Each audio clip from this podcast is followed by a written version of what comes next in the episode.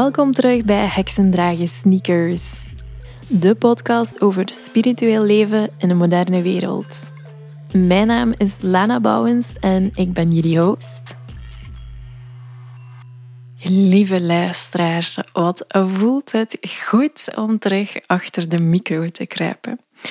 Wie de vorige aflevering heeft beluisterd, die weet dat er heel veel veranderd is. Ik ben namelijk mama geworden van twee fantastische kinderen.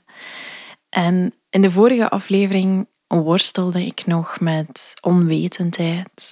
Maar nu kan ik met heel veel trots vertellen dat alles heel goed verlopen is en dat de kinderen het fantastisch doen. Ik weet dat veel mensen benieuwd zijn naar al mijn ervaringen en hoe het allemaal gaat met de kinderen. Maar ik wil eerst beginnen met te zeggen dat ik deze aflevering vooral ga praten over mijn beleving en hoe deze transformatie een impact heeft op mij. Ik ga het dus eigenlijk dicht bij mezelf houden, omdat ik het belangrijk vind om de privacy van de kinderen te beschermen. Wanneer ik over hun verhaal deel, wil ik dat graag doen met hun toestemming. En voorlopig kunnen ze dat nog niet geven. Ik kreeg ook al de vraag van verschillende media om mijn verhaal te doen. En ook daar kies ik resoluut voor nee. Omdat dit is niet een verhaal dat alleen gaat over mij. Het gaat over twee kinderen die in ons leven zijn gekomen met hun verhaal, hun rugzak. En waarbij dat er al zoveel keuzes van hen zijn afgenomen. Dus elke kans die ik krijg om hen iets te laten beslissen, dan wil ik hen dat ook geven.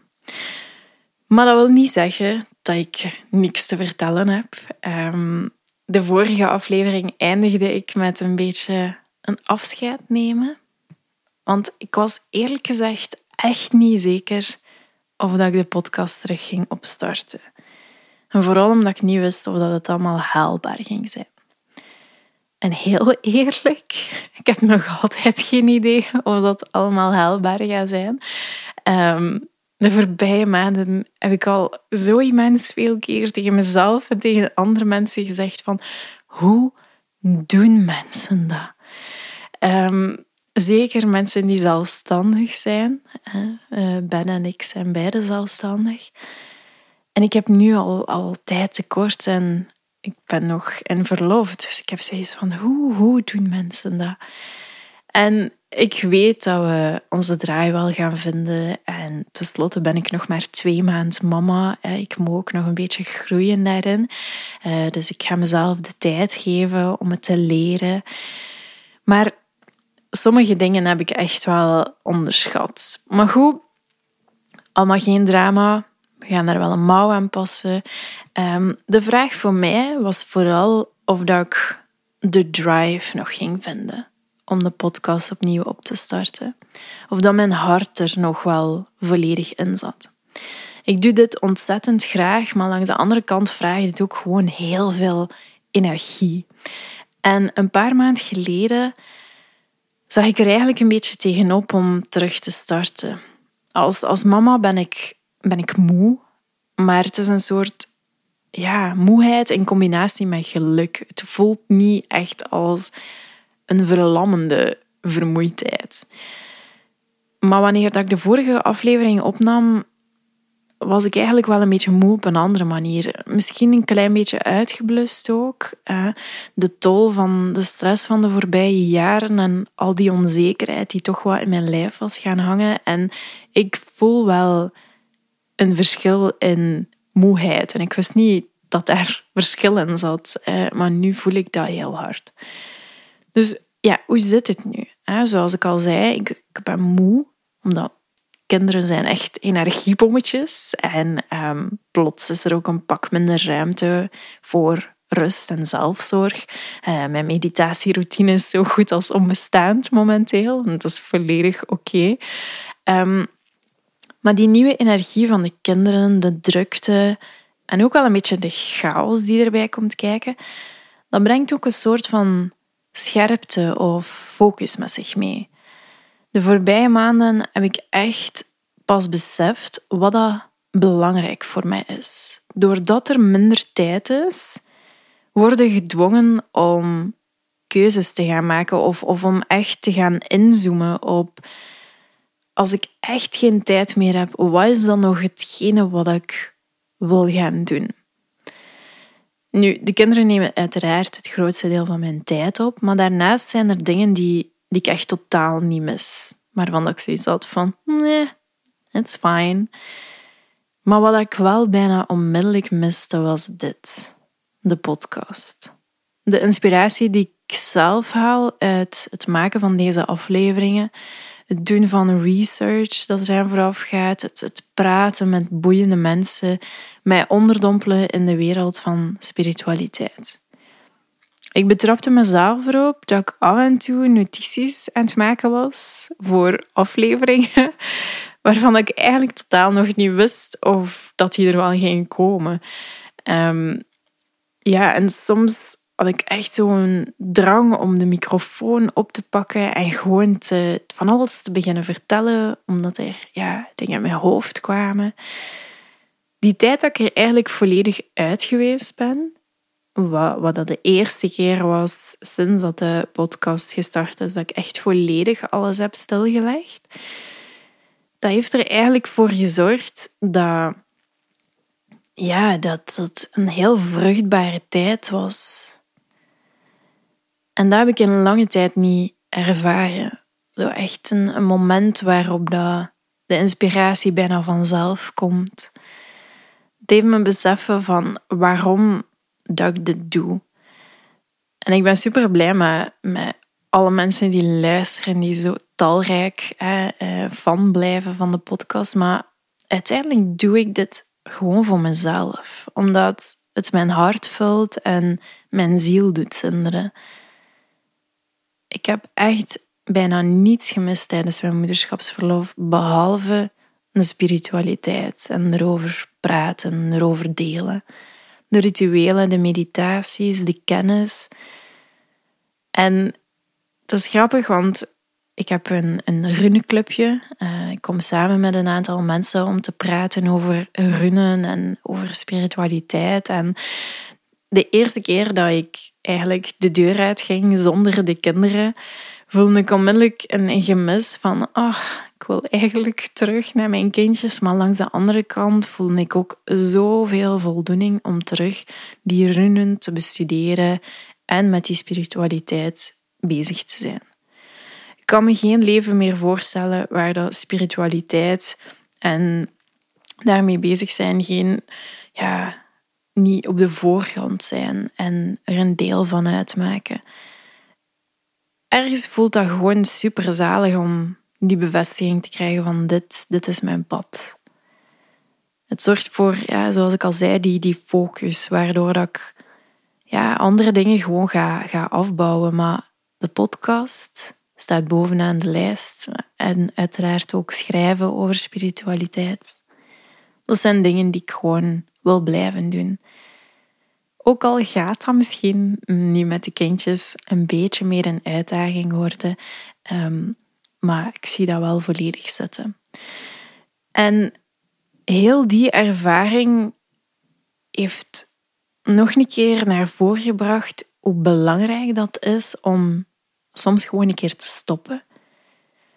Ik wist al wel dat jezelf soms verwijderen van een situatie dat dat ervoor zorgt dat je duidelijkheid krijgt en, en dat helpt altijd wel.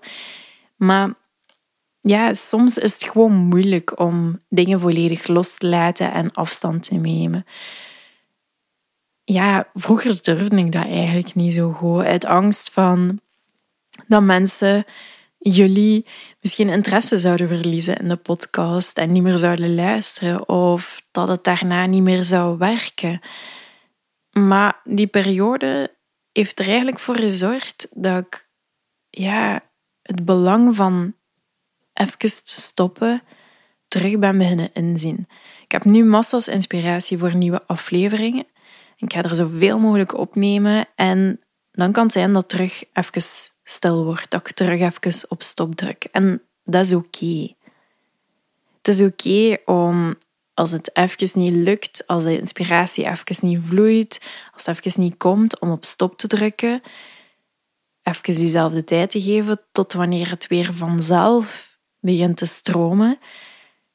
En dan misschien terug even op stop te drukken. En ik voel dat ik, als dat gebeurt zo is, dat ik de neiging heb om dat te willen gaan uitleggen.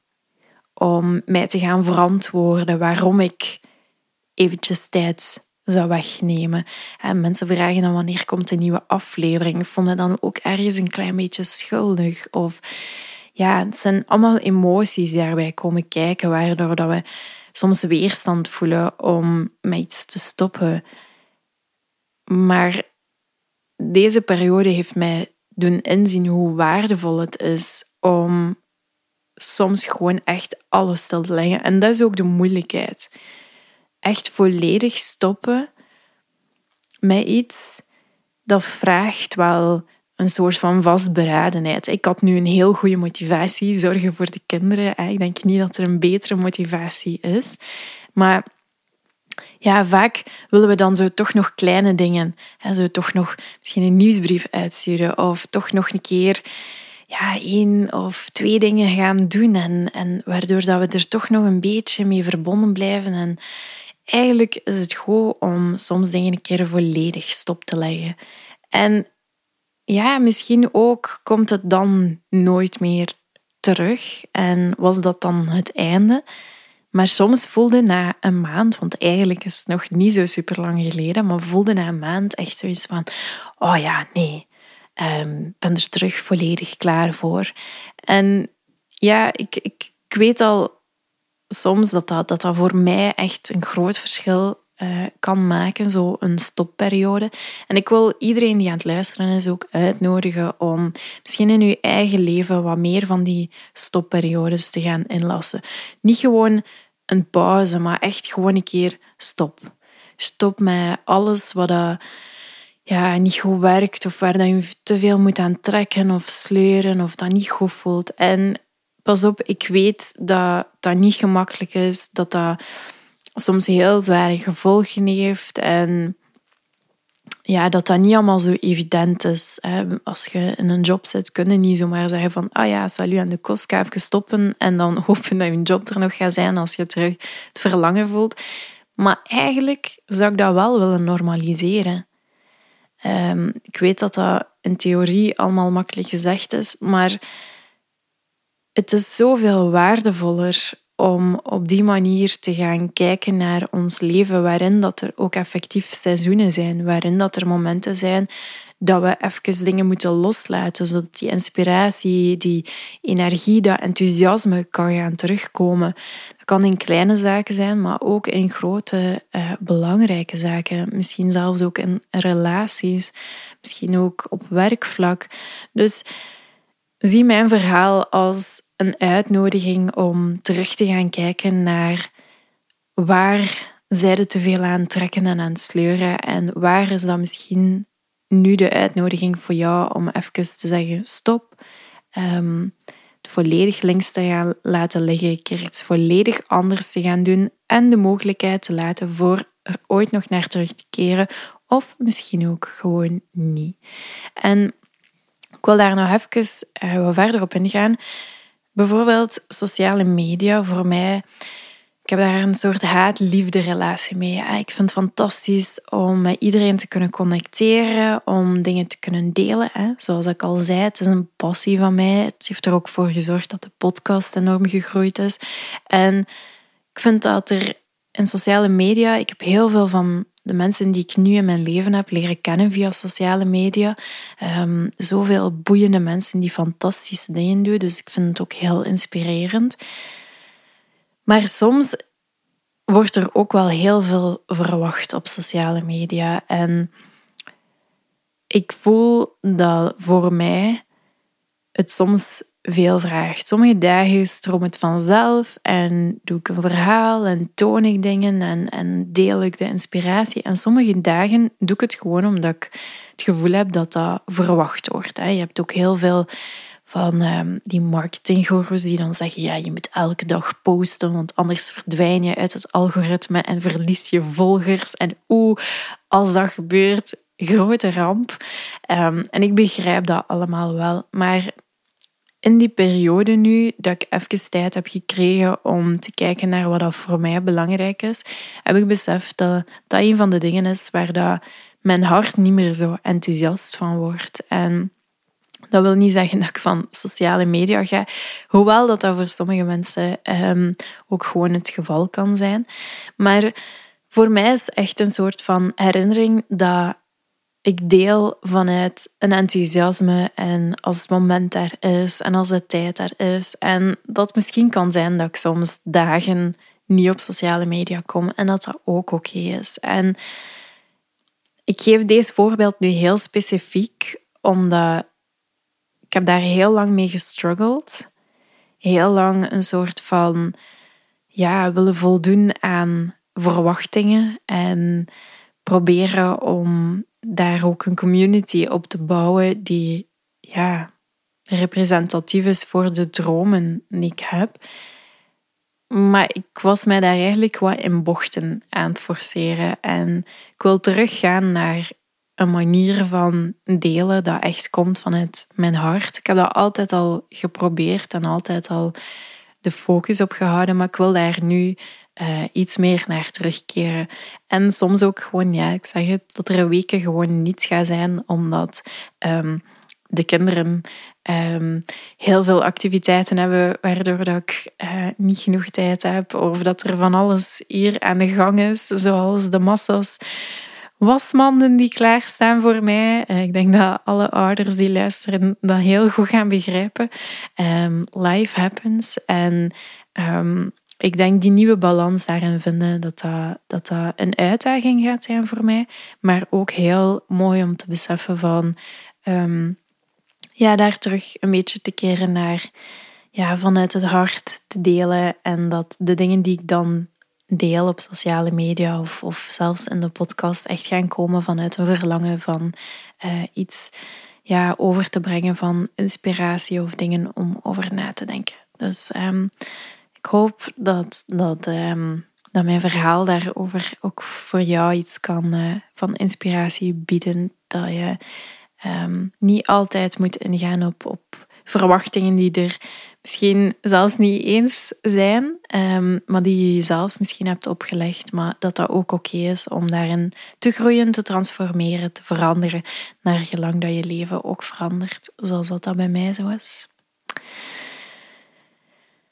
En dan wil ik ook nog graag iets vertellen. Um, dat gaat over meer de ja, spirituele kant van het verhaal. Um, ik had ooit iemand die tegen mij zei dat um, haar kindje op de wereld zetten de meest spirituele beleving was die ze ooit had gehad.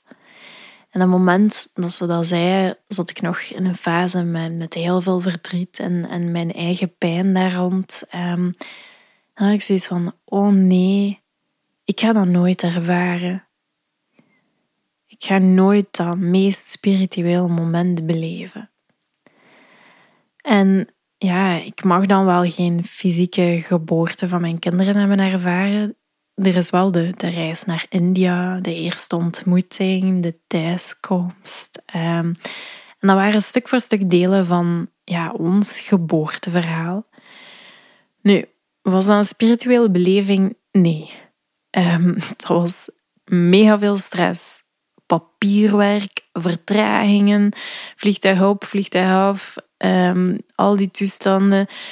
Het was zeer overweldigend, um, maar je werd ook opgesloord in het enthousiasme van de kinderen, um, hen leren kennen, ja, elkaar leren kennen als, als mama en papa. Het was echt een ware rollercoaster. En ik had mij dat totaal niet zo voorgesteld. Uh, ik had een soort ander beeld. Uh, ook een rollercoaster, maar het was heel anders. En dat is logisch ook. Um, je kunt je eigenlijk dat totaal niet voorstellen op voorhand, hoe dat allemaal gaat zijn. Um, je wordt eigenlijk meegeslogen in een soort van flow en je hebt geen tijd om stil te staan op dat moment wat dat er gebeurt en om te gaan invoelen. Dus ik was denk ik ook een klein beetje losgekoppeld van een soort van spirituele beleving op dat moment, omdat er weinig ruimte was om ehm, daar tijd voor te nemen of daar te gaan instaan. Nu, de eerste keer dat ik echt bewust dat wel gaan doen ben, was wanneer dat de kinderen een paar uur uh, uit het huis waren. En um, ik liep over de straat en ik was onderweg naar mijn favoriete koffiezaak. Iets wat ik al superveel, honderden keren gedaan heb. Diezelfde weg naar daar. Ik drink ook altijd hetzelfde, ik eet ook altijd hetzelfde. En um, ik heb een groot deel van mijn boek uh, geschreven in die koffiezaak. Um, ik had mijn koptelefoon op, mijn laptop in mijn zak en ik was klaar om terug wat te gaan schrijven. En onderweg daar naartoe leek het even alsof er niks veranderd was. Ah, de gebouwen waren allemaal hetzelfde, de mensen rondom mij allemaal hetzelfde. En plots kwam bij mij de vraag van ja, ben ik nog hetzelfde? En onmiddellijk kwam er het antwoord ja, ik ben nog steeds hetzelfde. Er is niets echt veranderd aan mij, buiten dat er een deeltje is bijgekomen, namelijk het deeltje ik ben nu mama. Maar in essentie ben ik nog altijd dezelfde persoon. Ik heb nog altijd dezelfde passies. Ik heb nog altijd dezelfde route naar mijn koffiezaak. Ik heb nog altijd dezelfde muzieksmaak. En terwijl ik daar over aan het nadenken was en aan het invoelen van hoe voel ik mij nu echt, kwam er plotseling toch zoiets heel subtiel naar boven. En ik zeg het, ik had er nog niet echt bij stilgestaan en ik had het nog niet echt gevoeld, maar er was iets heel kleins en heel subtiels. En wanneer dat ik dieper ging gaan invoelen, besefte ik van dat er iets ontbrak. Het verdriet, de leegte en de pijn van de afgelopen jaren was weg. De muziek in mijn oren die de voorbije maanden melancholisch, zelfs een verdrietig kantje had, voelt nu eigenlijk vrolijk aan. Dezelfde nummers, maar een volledig ander gevoel. En waar dat ik vroeger de tranen moest wegbijten bij het horen van sommige nummers, was er nu een glimlach. En dat besef, dat was alsof dat er een bom insloeg. Want de voorbije jaren liep ik eigenlijk rond met een soort van zware energie, een soort van gat. En nu was dat plots weg. Ik heb zelfs letterlijk ja, mijn hand op mijn hart gelegd en ja, dat gevoel, die energie, dat was, dat is gewoon verdwenen. En de enige manier waarop ik het kan omschrijven is that I feel whole. Er is een soort rust die ik de afgelopen jaren heb gemist. En ik ben niet anders dan daarvoor, maar ik ben gewoon meer mezelf. Het is grappig, want mensen komen naar mij toe en zeggen dat, dat ik er anders uitzie. Dat ik een soort gloed over mij heb. En nu snap ik eigenlijk wel wat ze bedoelen. Anderen zeggen dat moederschap mij staat. En ook dat snap ik. Het is een beetje alsof dat er een ontbrekend stuk, stukje van de puzzel is gelegd. Nog een droom die in vervulling is gegaan. En nu? Wat nu? Uiteraard ga ik nog wat genieten van mijn nieuwe gezin en het heerlijke gevoel die daarbij komt kijken. Maar de meesten onder jullie kennen mij al een beetje en Het borrelt aan nieuwe ideetjes, goestingen, visie voor ja, een nieuw hoofdstuk. Met meer spiritualiteit, meer stopmomenten en nog meer luisteren naar mijn intuïtie. Dus ik hoop dat jullie er klaar voor zijn, klaar voor een nieuw seizoen en uiteraard ook voor een nieuw membership.